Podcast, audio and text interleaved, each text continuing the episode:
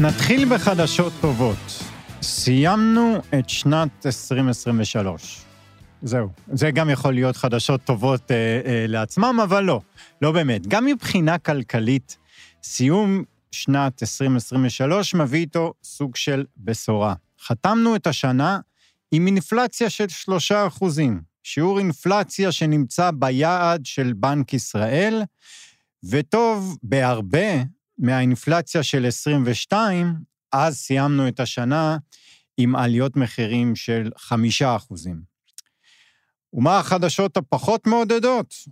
שחוסר הוודאות הגדול שנמצא בכמעט בכל התחומים של החיים שלנו משפיע גם על המצב הכלכלי, וגם ישפיע בשנה הבאה. האינפלציה אומנם בהאטה, אבל המחירים ממשיכים לעלות. הריבית אומנם ירדה, אבל ספק אם המגמה תימשך, לא רק בישראל אלא בכל העולם.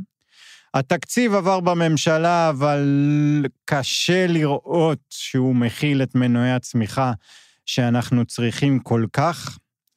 היציבות הפוליטית שכל כך חיונית בימים אלו מתחילה גם היא להיעלם. ומה עם השקל? גם הוא חזר להיחלש, והתחזיות של האוצר כבר מבשרות לנו שהמיתון בפועל כבר כאן. אז שלום וברוכים הבאים לפרק נוסף של פודקאסט מנועי הכסף של כלכליסט, עם אורי גרינפלד. אהלן, אורי. אהלן שי, איזה מעודד אתה היום. כן, לגמרי, מה? וטוב, אז אנחנו נדבר, יש כל כך הרבה, אנחנו גם אחרי שבוע שלא הקלטנו, יש כל כך הרבה נושאים אה, שיש לנו לגעת בהם. אה, נתחיל ישר, כי יאללה, בוא נקפוץ. אין, אין ברירה, אז מה, מה נתחיל? נתחיל, מה, נתחיל מהטוב. אמרת אני אופטימי, אז יאללה, בוא נתחיל בוא מהטוב. נתחיל מהאינפלציה. אה, קודם כל, אה, דבר על המדד הספציפי, לפני שאנחנו מדברים קדימה, באמת יש לנו מדד דצמבר אה, שאפשר להגיד שקצת הפתיע לטובה, אה, המדד ירד ב-0.1, רוב החזאים העריכו, הממוצע של החזאים היה שהמדד יישאר אה, באותה רמה, אה, אנחנו בפסגות הערכנו שהוא ירד ב-0.1, זה באמת מה שהיה, אבל יותר, יותר מזה, האינפלציה, כמו שאמרת, נכנסה לתוך היעד. היעד של בנק ישראל הוא לאינפלציה של בין אחוז לשלושה אחוזים. וזה נותן במובן מסוים איזשהו שקט אה, לבנק ישראל מהבחינה של המלחמה האינפלציונית. עכשיו, אמרת, ו- וזה מאוד נכון, אה, על ההבדל בין מחירים לאינפלציה. בסוף היעד של בנק ישראל הוא לא על רמת המחירים, או על האינפלציה עצמה. באינפלציה זה בכמה המחירים משתנים. מה שאנחנו רואים זה שהמחירים ממשיכים לעלות. אנחנו גם דיברנו על זה אה, לפני אה, שבועיים, כן. אה, ואנחנו ראינו בשבועיים האלו בינתיים עוד כותרות על עוד חברות שמעלות מחירים, אה, ואפשר לבוא ולהגיד, רגע, מה אתם אומרים לי, אינפלציה יורדת, אינפלציה יורדת? אני מרגיש בסוף בכיס שלי שרק הולך ונהיה יקר יותר. אז עוד פעם, האינפלציה זה השינוי במחירים בשנה האחרונה, וגם אם המחירים ממשיכים לעלות, אם הם עולים בקצב יותר איטי ממה שהם עלו בשנים קודמות, אז האינפלציה תלך ותרד. בואו רק נזכיר את הגל העלאות שאחרי הקורונה של 15% ו-10% בהמון המון חברות, אז כן יש האטה, האטה באינפלציה. זה לא מחירים יורדים, זה אפילו לא מחירים נשארים באותה רמה, זה מחירים עולים, הם רק עולים בקצב יותר איטי. הדבר השני שהוא משמעותי פה, זה שכשנכנסים לתוך המדד, אז נורא חשוב לשים לב איפה מחירים, אה, סליחה, איפה האינפלציה מאטה, אתה רואה, התבלבלתי בעצמי. כן. המחירים לא יורדים. איפה האינפלציה מאטה, ומה החלק של אותו, אותו אזור בתוך מדד המחירים לצרכן. למשל, בסעיף הדיור, סעיף הדיור, הוא, המשקל שלו במדד הוא רבע. זה הסעיף הכי הכי גדול והכי הכי משמעותי במדד המחירים לצרכן, והוא נמדד רק על ידי חוזי שכירות, לא על ידי מחירי דירות של עצמן, שהם ממש בירידה. אז, מחירי, אז חוזי, המחירים של חוזי השכירות, אחרי מדד דצמבר, עלו בשנה האחרונה בשלושה וחצי אחוזים. זה טוב יותר ממה שהיה בנובמבר. אם משווים את, הנובמבר, את נובמבר האחרון לזה שהיה לפני שנה, אז קצב העלייה הייתה, היה 3.9. אז יש פה האטה בסעיף שהוא הסעיף הכי משמעותי במדד, זה מושך את האינפלציה כולה כלפי מטה, אבל זה ממש ממש לא ירידת מחירים. ו... רגע, מה עם שאר החלקים? אז בואו ניקח את הסעיפים הגדולים. מזון, אה, ראינו שנשאר דווקא בדצמבר ללא שינוי, קצב עלייה שנתי של 4-2. אה, לאור מה שקורה, יכול להיות שהסעיף הזה נראה האצה מתישהו אה, בחודשים הבאים, ודווקא האינפלציה שם תעלה. עוד סעיפים משמעותיים, יש לנו את נושא התחבורה ותקשורת, שדווקא שם אנחנו רואים גם האטה, מ-5% ל-3.8%.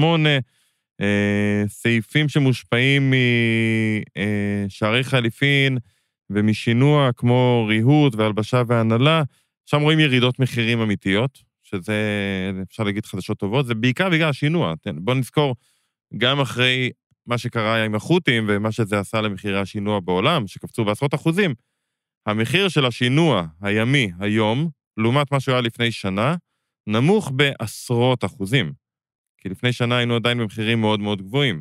אז גם אחרי הקפיצה הזאת, בהסתכלות שנתית, אנחנו בירידת מחירים.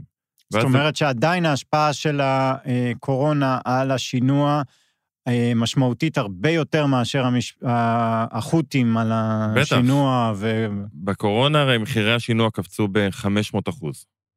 הם קפצו ב-500 אחוז, אה, מבערך 1,600 דולר למכולה לסביב ה-11,000 דולר, אה, וצריך גם לזכור שבתקופת הקורונה לא, לא היו אוניות. היה מחסור באוניות, היה מחסור בכוח אדם, האוניות פשוט היו תקועות באמצע הים.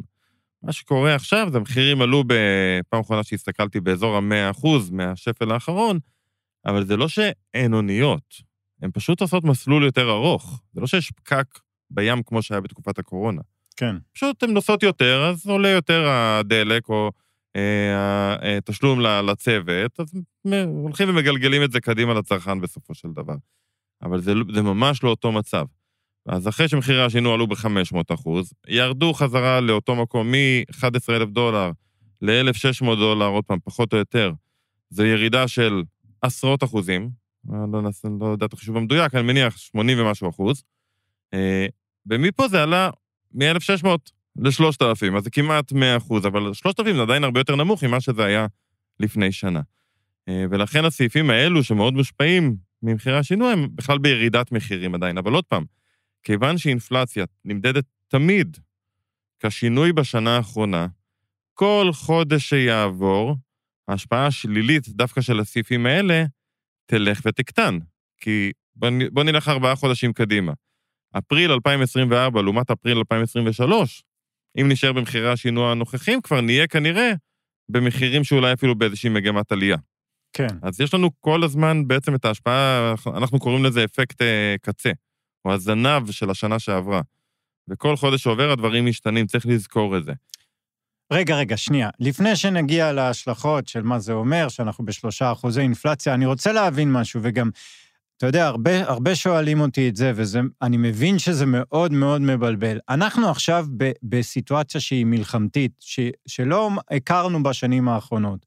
למה הלמ"ס לא מעדכן את הצרכים אה, אה, והטעמים שלי בחודש דצמבר לזה שאני במלחמה? זאת אומרת, אה, מה אכפת לי שמחירי החופשות ירדו או עלו?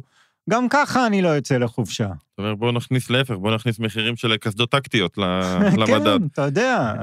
לא, משקל יותר גבוה למזון, לקניות בסופר, אתה יודע. אז נחלק את התשובה לשתיים. החלק הראשון הוא שהמתודולוגיה של מדד המחירים לצרכן, של הלמ"ס, כמו ברוב המדינות בעולם אגב, זו המתודולוגיה, צריך להגיד את זה פעם אחת ולתמיד, המתודולוגיות שמשתמשים בישראל הן המתודולוגיות ב-OECD. זה לא שאנחנו עושים דברים שונה. אה, במדדי מחירים לצרכן, המשקלות של כל סעיף, ואפילו תת-סעיף, אה, ויש אלפי סעיפים בסופו של דבר, של כל, המשקל של כל סעיף נקבע אחת לשנתיים, הם משתנים בינואר של השנים האי-זוגיות, ינואר 23, ינואר 21 וכן הלאה, והדרך שבה הם נקבעים זה שבעצם מסתכלים על מה הצרכנים הוציאו, הוציאו כסף, עושים סקר, זה נקרא סקר הוצאות משקי בית, מסתכלים על מה הצרכנים הוציאו כסף, במהלך השנתיים הקודמות לשנה שבה מעדכנים. במילים אחרות, בינואר 2023 עדכנו את המשקולות של מדד המחירים לצרכן לפי מה שמשקי הבית בישראל הוציאו כסף ב-2021 ו-2022. אהה, עכשיו, לפעמים זה יכול לייצר עיוותים מטורפים, כי תחשוב, 21-22, הוצאנו לא מעט כסף, למשל על בדיקות קורונה, על מסכות, על ג'ל לידיים כן. וכאלו דברים, ופתאום הם מקבלים משקל ב-2023 בתוך המדד שזה לא רלוונטי. אז זה החלק הראשון של התשובה, שתמיד הדבר הזה הוא באיחור, וכביכול תמיד הוא לא רלוונטי. אגב, זה מייצר, אה, ובמחקר האקדמי מדברים על זה המון, אה, במובן גם של למה בנק מרכזי לא צריך לשאוף לאינפלציה אפסית, אלא תמיד לאינפלציה חיובית. האינפלציה בעצם תמיד מוטה כלפי מעלה לעומת המצב בפועל. כי הרי צרכנים כן עושים את ההחלטות שלהם כל הזמן לפי מה שקורה למחירים. אם למשל מחירי התפוחי האדמה פתאום יעלו ב-200 אחוז, באותו שבוע אנשים פשוט יקנו יותר בטטות ופחות תפוחי כן. אדמה. ולכן, תמיד בעצם האינפלציה שאתה רואה שרשומה, אתה תראה באינפלציה שמחירי התפוחי האדמה עלו, למרות שאף אחד לא קונה אותם. אז אנחנו בעצם תמיד מרגישים כביכול אינפלציה יותר נמוכה, במובן. יש סיפורים אחרים, אבל במובן הזה, ממה שרשום, האינפלציה תמיד מוטה כלפי מעלה. אה, סוג של דיליי. סוג של, אנחנו- בדיוק, זה, כן. זה נובע מהדיליי ומהמציאות שבה הצרכנים מגיבים בעצם למ- למחירים הרבה יותר מהר ממה שהמדידה מגיבה אליהם. אז זה דבר אחד. הדבר השני שכן צריך להגיד, שהלשכה המרכזית לסטטיסטיקה עושה התאמות מסוימות במקרי קיצון. למשל, כשהתחילה המלחמה באוקטובר-נובמבר, הפסיקו למדוד טיסות. לא היו טיסות, הלמ"ס בא ואמר, החודש אנחנו פשוט לא מודדים מה קרה למחירי הטיסות, מבחינתנו הסעיף הזה כרגע כאילו לא קיים, ובסוף מודדים את כל האינפלציה בלי הסעיף הזה, נגיד יצא, אני לא זוכר את המספרים, אבל נגיד היה באוקטובר אינפלציה של 0.2, אז אמרו, אוקיי, זה האינפלציה הכללית, גם בסעיף הזה אנחנו שמים 0.2. כאילו הוא לא היה קיים, כאילו הוא בעצם מקבל את המדד הכללי. אז כן הם עושים התאמות במקרי קיצון, כמו שהיה בטיסות, או בקורונה גם היו כמה דברים כאלו. אה, טיסות, אה, נופשים, תרבות, אה, אבל בסוף יש מתודולוגיה, ועכשיו מבחינת הלמ"ס להתחיל כל חודש להחליט מה כן נמדד, מה לא נמדד, איזה משקל אני שם פה, אין, אין איזושהי מתודולוגיה שעושה את זה. המקום היחיד שאני מכיר שעושה את זה, זה בארצות הברית, שיש שם מדד שנקרא PCE, יש את ה-CPI, ה-Consumer אה, פרייס. Price Index, שזה בדיוק כמו בישראל, זה המדד שבדרך כלל משתמשים בו. בארצות הברית יש גם מדד שנקרא אה, PCE, שזה אה, Personal Consumption Expenditure, ההוצאות, המחירים של ההוצאות הצרכניות, ששם בעצם בודקים מה אנשים קנו ומה קרה למחירים שלהם. לכן, אגב, הפד הרבה יותר אוהב את המדד הזה, מה-CPI, כי הוא מודע לבעיות של ה-CPI. ואין לנו איזה משהו... אין לנו דומה ואין כזה. לרוב המדינות. אני חושב שרק בארצות הברית אני מכיר שיש מדד כזה, האמריקאים אוהבים סטטיסטיקה, אתה יודע. כן, היית פעם במשחק בייסבול? כן. לא, כל דבר הם אוהבים. אמ, אז זה מה יש, צריך להבין כמובן, ואני חושב שהרבה יותר חשוב במובן הזה, זה שאתה מסתכל על המדד, לא רק להגיד, אוקיי, זה כן מייצג, לא מייצג את מה שקורה בפועל, אלא מה ההשלכות שלו.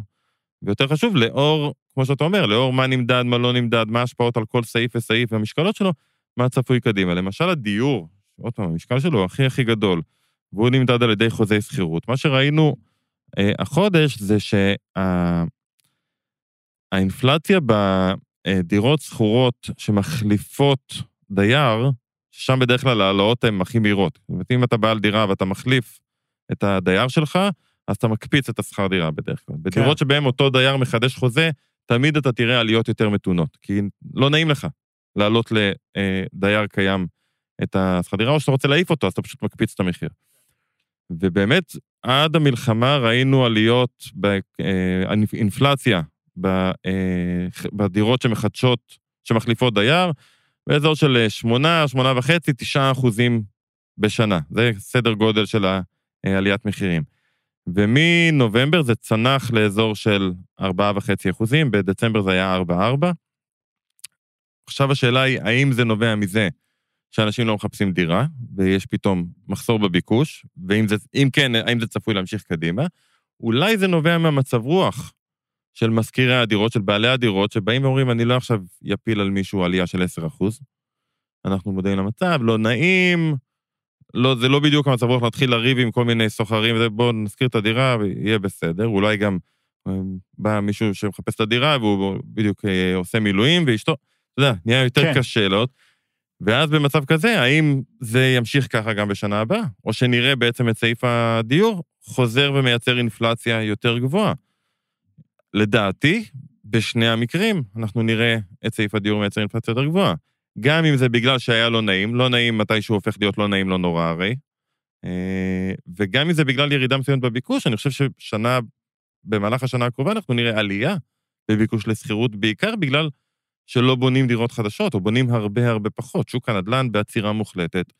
אם בונים פחות דירות חדשות, זה בעצם אומר שהביקוש לשכירות בתוך השוק הקיים גדל.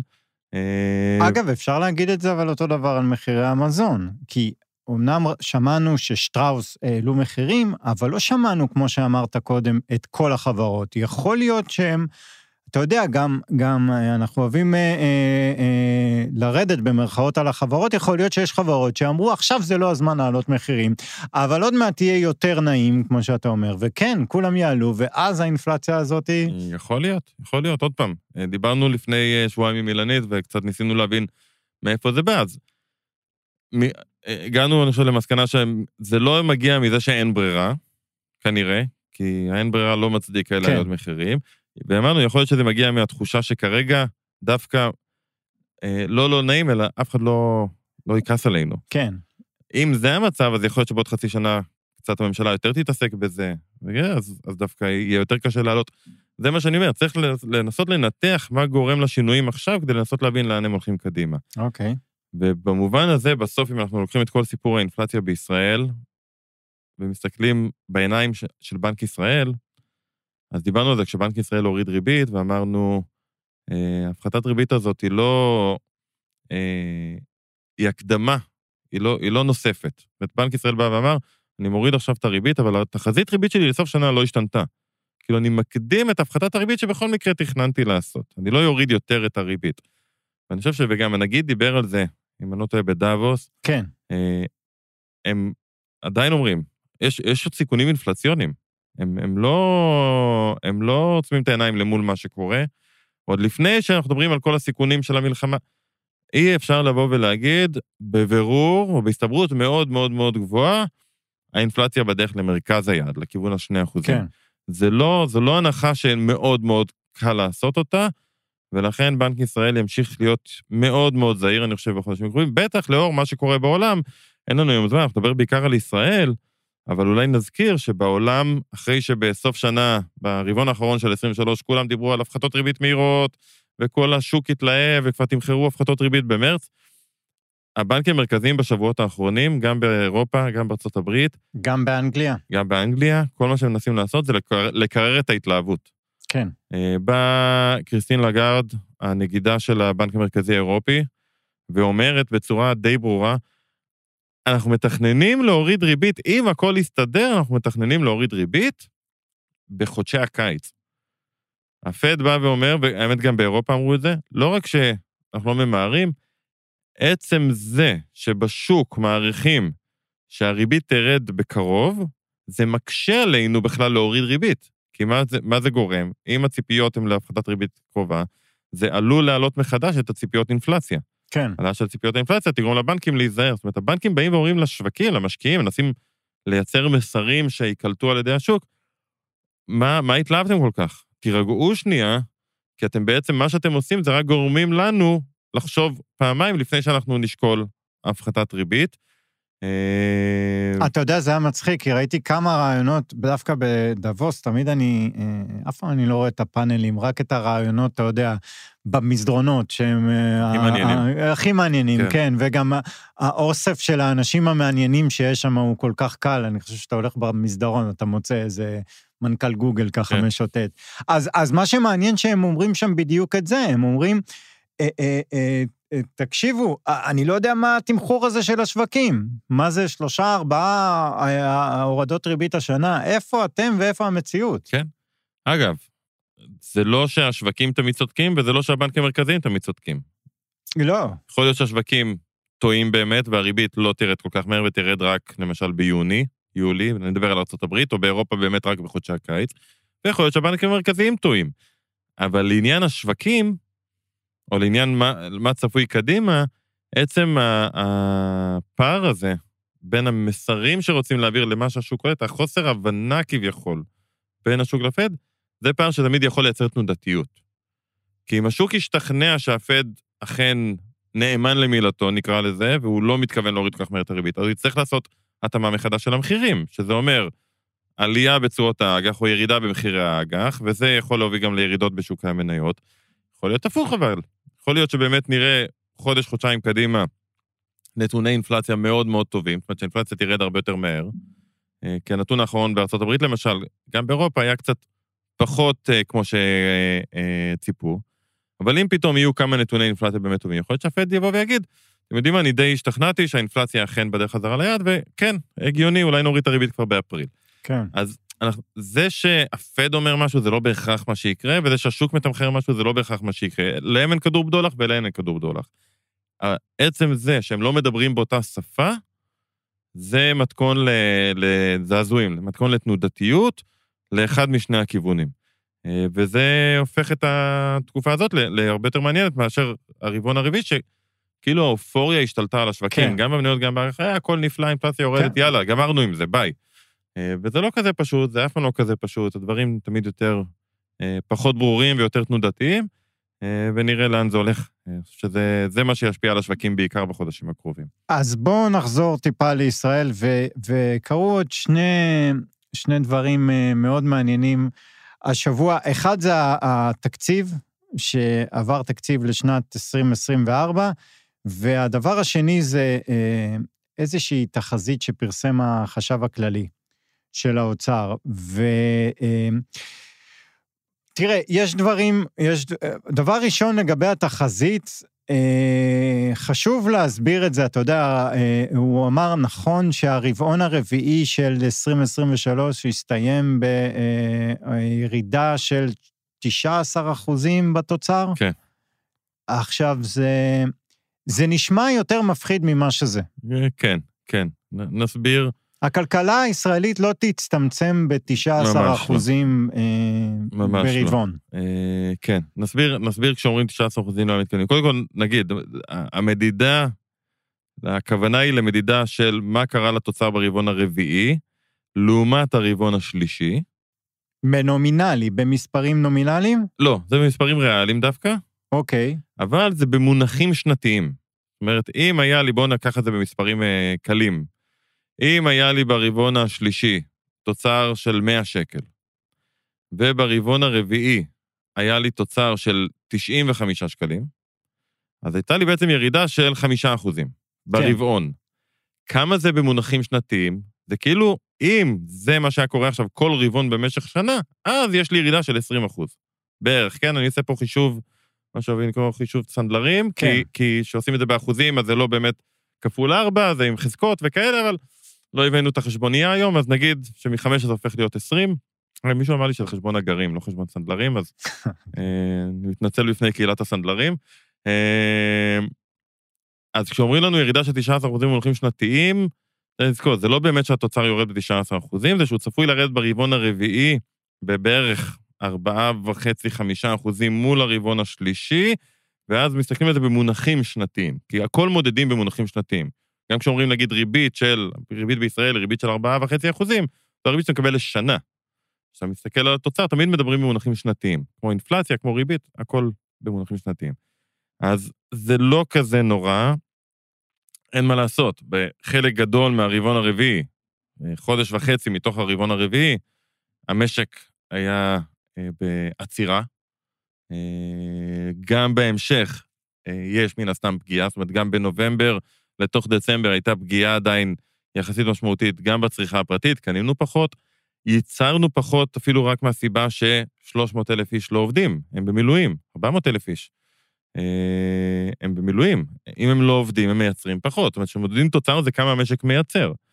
אה, וכן הלאה וכן הלאה, אז זה היה ברור שתהיה ירידה. אני חושב שדיברנו על זה גם לפני כמה שבועות, שהתחזיות, אנחנו אה, גם בפסגות הערכנו פגיעה של 14 או 15 אחוז בתוצר ברבעון הרביעי.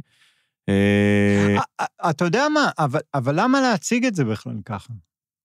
כי, כי אני שואל, כחשב הכללי, כאילו, מה...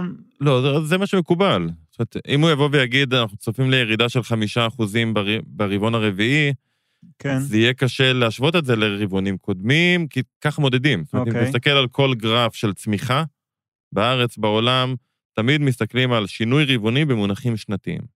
הכל נמדד במונחים שנתיים. ובהשוואה לרבעון, ה- לתוצר ה- כן, של הרבעון של הקודם. הרבעון הקודם, כן. אפשר גם להסתכל על, הת- על השינוי השנתי. כן. זה שינוי שנתי וזה משהו אחר, זה רבעון רביעי, לעומת רבעון רביעי אשתקד. אבל זה בדרך כלל מה שפחות מסתכלים עליו. כשמדברים על נתוני צמיחה רבעוניים, מסתכלים רבעון מול רבעון קודם, רק שהופכים את זה למונחים שנתיים כדי שיהיה אפשר להשוות את זה לדברים אחרים. אוקיי. אגב, היחידים שלא עושים את זה בפרסום, גם כשאתה רואה פרסום ב... נגיד בבלומברג או באינבסטינג, שרשום תוצר בארצות הברית, פלוס 3-4, זה גם, זה רבעוני במונחים שנתיים.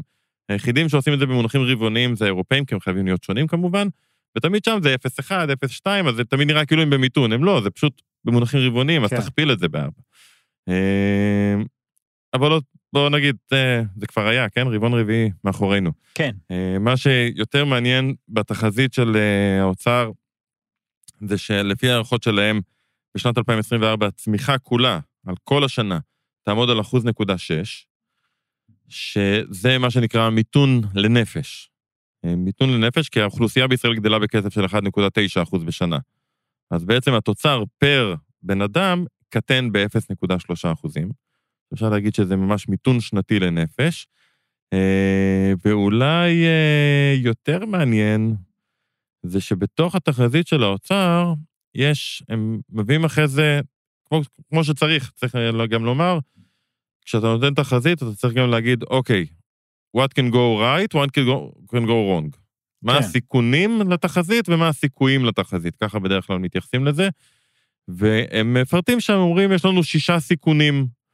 הסלמה של המלחמה, פגיעה באמון המשקיעים, זאת אומרת, משקיעים בעיקר מחו"ל, שפחות התלהבו מלהשקיע בישראל, אה, אי השבת תחושת ביטחון של האזרחים, זאת אומרת, יכול להיות שהמצב רוח הלאומי עדיין יהיה חלש יותר, וכי בתחזית שלהם הם מניחים שלאט לאט אנשים יחזרו, אתה יודע, לחיים הרגילים שלהם.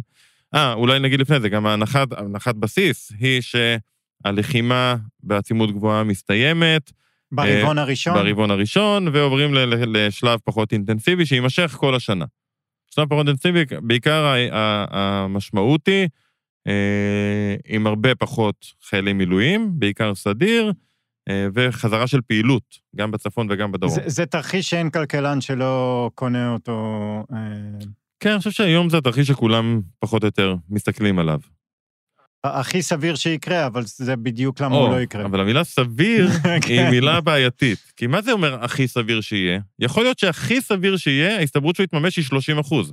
פשוט שאר התרחישים זה אוקיי. 20. כן, אה, כן. זה הכי סביר שיקרה, זה לא אומר שהוא, בטח זה לא אומר שהוא יקרה, לא. זה גם לא אומר שההסתברות שהוא יקרה היא מאוד מאוד גבוהה. ואז כשאתה מסתכל על הסיכונים, עוד פעם, הסלמה של המלחמה, פגיעה באמון המשקיעים, השבת תחושת, אי השבת תחושת הביטחון של האזרחים, עיכוב בהתאוששות של הנדל"ן, שלא ברור איך מצליחים להתגבר על המכה הזאת, עם כל, גם הסיפור של פועלים ביהודה ושומרון וכן הלאה, בטח לא ו- ברבעון הראשון. והחקלאות, המשך האטה בהייטק והאטה בכלכלה הגלובלית, אלה הסיכונים. לעומת זאת, מה הסיכויים, איך המצב יכול להשתפר ואולי הצמיחה תהיה יותר מהירה? סיום מהיר יותר של הלחימה. אז בואו בוא נסתכל סיכון מול סיכוי. למה היית נותן הסתברות יותר גבוהה? לזה שתהיה הסלמה של המלחמה, מעבר לתרחיש בסיס הזה שכולם כבר פחות או יותר מדקלמים, או שאולי נסיים את המלחמה יותר מהר. אה, מי אני? איזה עוד סיכוי יש לנו? אה, חידוש תהליכי נורמליזציה עם מדינות ערב, כבר במהלך 2024, ולא לקראת סופה. כדי לשפר באמת את הצמיחה, צריך לקרות... כל התחזית, כל מה שאתה מקריא עכשיו זה, זה ממש רשום. כן, כן, כן, זה מה יכול לשפר את, את הצמיחה. אוקיי. אה, עליית כוח אדם איכותי מיהודי התפוצות, כמובן שהוא צריך גם להשתלב מאוד מהר בשוק העבודה, כן? בתוך 2024, ועוד פעם, לא ברבעון האחרון, כי זה כבר לא ישפיע כל כך על הצמיחה. אה, וצמיחה עולמית טובה מהצפוי. כשאתה מסתכל על ההסתברויות, לפחות כשאני מסתכל, יכול להיות שאני סתם פסימי, כשאני מסתכל על ההסתברויות של הסיכונים ועל ההסתברויות של הסיכויים, אני חושב שאפשר להגיד אה, יותר סביר שהטעות תהיה כלפי מטה ולא כלפי מעלה. כן. שהצמיחה בסוף לא תהיה אחוז נקודה שש, אלא פחות מזה, ולא יותר מזה, וזה לא בא לידי ביטוי בסוף במספר. ועוד פעם, אני לא בא פה בתל- בתלונה אה, לכלכלן הראשי, כי ככה עושים תחזיות. אתה מצייר את התרחיש המרכזי, ואתה נותן את הסיכויים ואת הסיכונים. רק כשלא מדברים על ההסתברויות של הסיכויים והסיכונים ולוקחים אותם בתוך, בסוף, איזושהי תוחלת של התחזית, אז, אז זה לא תמונה מספיק מלאה. ובמצב שלנו היום, אני מקווה שאני טועה, אגב, הלוואי ואני טועה, נראה שהסיכונים הרבה יותר גבוהים אה, מהסיכויים, אולי חוץ מההייטק. האמת שאני חושב שאנחנו נראה את ההייטק משתפר באמת יותר מהר, שזה יבוא מה, מהצד הגלובלי וחזרה של אה, אה, צמיחה בענף הזה. אבל בשאר הדברים, אני חושב שבאמת אה, צריך להיות זהיר במובן הזה. כן. אז אה, בוא, אה, אם כבר אה, זהירות, בוא נדבר על התקציב. כל זה מביא אותך לתקציב. בסוף, אגב, אה, זה קשור, זה כן? קשור, בדיוק. התחזית של האוצר באה בעצם לתת תחזית, אם אתה מניח שהצמיחה תהיה, נגיד, אחוז נקודה שש, מתוך זה נגזרת, כמובן שפורטים את זה יותר מאיפה באה הצמיחה, ייצוא, השקעות, זה, מזה נגזרת תחזית להכנסות המדינה ממיסים. ככל שיש למשל יותר צריכה פרטית, ככה יהיה יותר הכנסות ממע"מ.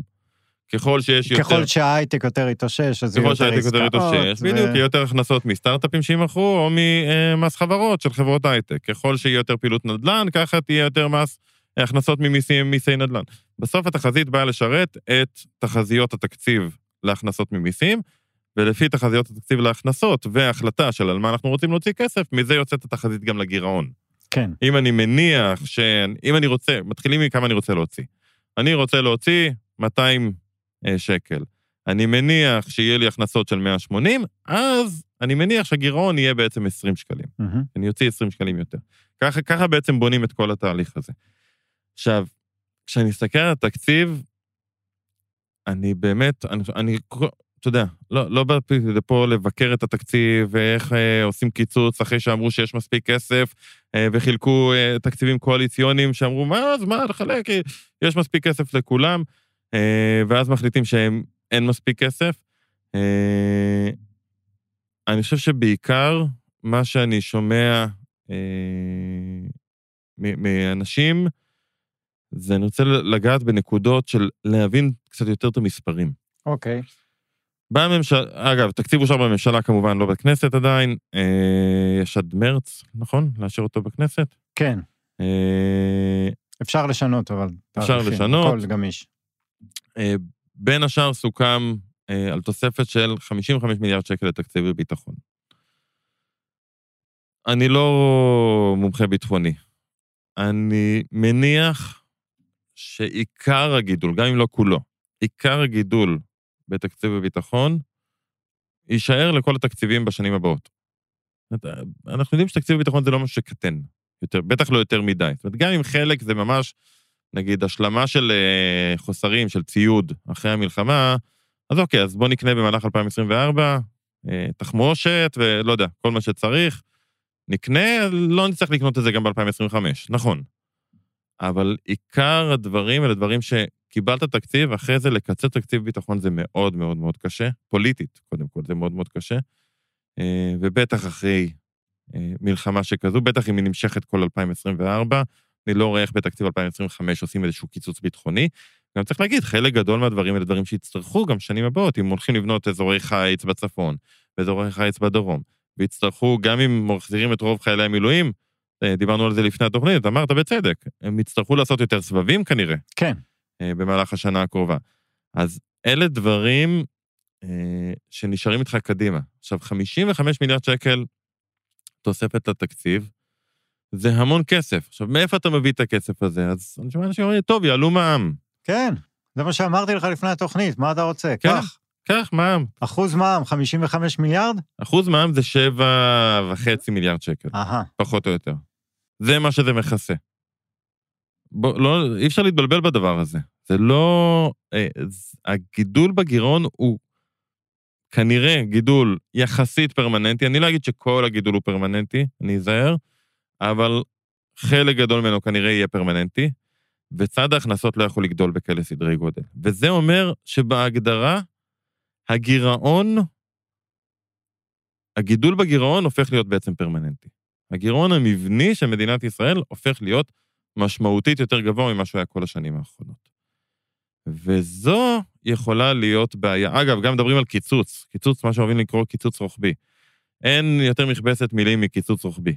אי אפשר לקצץ באמת בתקציבים אה, בצורה משמעותית, כי בערך 70 אחוז מהתקציב זה דברים, 70-75 אחוז אפילו, דברים שאתה לא יכול לגעת בהם. כמעט חצי, אם אני לא טועה, סביב 45 אחוז, זה אה, תשלומי העברה ומשכורות. אתה לא תעשה הורדה לא, של אה, שכר. מורים. כן. נכון? אתה- גם לא שוטרים וגם לא... אה, בדיוק. כן, אה, גם ככה עזריאלי הולך להיות פקוק שנה הבאה. כן, אנחנו, יהיה מספיק הפגנות גם בלי זה. כן. זה לא יקרה. זה בערך חצי. בחצי השני, עוד פעם, חלק מאוד גדול זה ביטחון, וגם שם מאוד קשה לגעת. זאת אומרת, זה, זה הקניות של הביטחון, לכן אתה, אתה לא יכול להגיד לצבא, טוב, תקשיבו, בואו נקנה מטוסים פחות טובים. זה לא קורה. אז בסוף רק איזה רבע מהתקציב אפשר באמת לגעת בו. אה, ולכן, הגידול הזה בגירעון הולך להיות כנראה גידול שהוא פרמננטי. עכשיו, זה כשלעצמו, עוד פעם, ככלכלן, אני אומר, אוקיי, אתה מניח שיש לך גירעון יותר גדול. מה אתה עושה קדימה? אתה לא תעלה עכשיו את המע"מ כל שנה, נכון? זה, זה לא יקרה. בוא נייצר מנועי צמיחה. מנועי צמיחה משרתים אותך בשני כיוונים. כיוון אחד, זה קודם כל צמיחה יותר מהירה, מביאה יותר הכנסות ממיסים. אם יש צמיחה, אז כמו שאמרנו, יש יותר מע"מ, יותר מס הכנסה, יותר מס חברות, יותר מס אה, נדל"ן וכן הלאה, ואז בעצם הגירעון ילך ויצמצם דרך צד ההכנסות. לא על ידי העלאת מיסים, אחוז המע"מ, אלא על ידי זה שאתה מביא יותר כסף ממע"מ, כי אנשים קונים יותר. יופי, אנחנו לא רואים שבונים על איזה שהם מנועי צמיחה. מנועי צמיחה, למשל, מה זה מנועי צמיחה? אה, השקעה יותר מהותית בתשתיות, תשתיות אנושיות, שיתוף אוכלוסיות מסוימות בשוק העבודה. בדיוק, שיתוף אוכלוסיות ששיעור ההשתתפות בהן בשוק העבודה הוא נמוך. מה זה שיתוף? זה להקנות להם את הכישורים הנדרשים, את ההשכלה הנדרשת וכן הלאה. העברה של אוכלוסיות מענף הלואו-טק לענפי הייטק, צריך לתת הכשרות. אולי אפילו, כמו שבזמנו קרנית פלוג הייתה מדברת על זה המון, וזה כל כך נכון, זה לאו דווקא להעביר את האנשים, לקחת את ענפי הלואו-טק ולתת להם, לשפר אותם כן. לעולם הרבה יותר יעיל ו- והייטקי. זאת אומרת, אם הקטר הוא נורא נוצץ, כל הזמן היו משתמשים בדימוי הזה. יש לנו קטר מאוד מאוד נוצץ, אבל קרונות קקמייקה. בואו פשוט נשפר את הקרונות. בואו ניקח, אוקיי, הייטק בסדר. מי שרוצה לעבור להייטק, שיעשה את זה. אפשר לתת להם כישורים, זה בטח יעזור. אבל בואו ניקח גם את הענפים הפחות טובים וניתן להם אה, תמרוצים ואפשרויות לשפר, להתייעל ולהיות יותר מתקדמים אה, ביחס למקומות אחרים בעולם, וזה מייצר לך צמיחה קדימה. אז זה אפקט אחד, צמיחה יותר גבוהה, הכנסות ממיסים יותר גבוהות. אפקט שני, שהוא לא פחות מהותי, בסוף, מה שבאמת מעניין זה לא גודל הגירעון, מה שמעניין זה שיעור של הגירעון ביחס לתוצר, או אפילו יותר מעניין מזה, שיעור החוב ביחס לתוצר. אם יש לך חוב תוצר של 60 אחוז, לא אכפת לאף אחד, לא לחברות הדירוג, לא לאף אחד, מה הגירעון שלך. כל עוד אתה מצליח לשמור על חוב סביר ביחס לתוצר. אז אם אתה מייצר צמיחה יותר מהירה, אתה גם מקטין את הגירעון, אבל אתה גם מעלה את המכנה ביחס החוב תוצר. החוב יכול לגדול, כל עוד התוצר גדל יותר מהר מהחוב, יחס החוב תוצר ירד. כן. וזה מה שבאמת מעניין בסופו של דבר. זה מה שעלול, מה שעלול להביא מדינה לכזה אה, אה, מערבולת של חוסר יציבות פיננסית, זה בסוף בריחה של יחס החוב תוצר לרמות גבוהות מדי. אה, ואז אובדן אמון של משקיעים וכן הלאה. ורמות גבוהות מדי זה, זה, זה יחסית למדינה. כלומר, כן. היחס חוב כן, תוצר של כן, אה, כן, אה, כן. ארצות הברית הוא לא כמו של ישראל וגרמניה, בדיוק, או... וגם פה אנחנו חייבים לשחרר את הקונספציות, וכל הזמן מדברים על זה. עוד פעם, מצבנו טוב, שאני, שלא נובן לא נכון. כן. אנחנו עדיין בסדר, זה לא שמחר צפוי משבר. לא. אבל גם אי אפשר לבוא ולהגיד, מה, אנחנו עלינו מ-60 ל-70, זה בסדר, כי ארצות הברית ב-150, או באירופה רוב המדינות ב-90. אנחנו לא אירופה. משקיעים מהעולם מסתכלים על ישראל לא כמו על צרפת, גרמניה, ארצות הברית וכן הלאה. פה יחס חוב תוצר של 80, קצת יותר מפחיד אולי מיחס חוב תוצר של 90 במדינות אחרות. כן. אה, ולכן, אני חושב שמה שבאמת באמת חשוב, ועוד פעם, אני מאוד מקווה שזה יהיה בתקציב הזה, אם לא, אז אולי התקציבים הבאים, ממשלות הבאות, לא יודע מה הם מתכננים. חייבים לייצר את המנועי צמיחה האלה ועוד פעם, דיברנו על זה לפני המלחמה, פעם אחרי פעם אחרי פעם אחרי פעם, זה הפך להיות הרבה יותר מהותי בגלל סיפור הביטחון. תוספת כל כך גדולה לביטחון וצרכי ביטחון כל כך גבוהים, הופכים בעצם את היציבות אה, של ישראל מבחינה פיסקלית, מבחינת התקציבי והחוב, אה, ליותר אה, בעייתית. כן. וזה נחיה ונראה, כמו שאומרים אצלנו.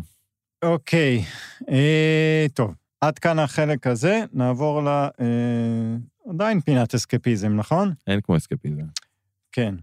תראה, אני מצאתי השבוע אה, סקר, שהאמת היא, מאוד מאוד מאוד הפתיע אותי, אבל אני אציין לפני זה את המקור, כי אה, אתה תבין לבד.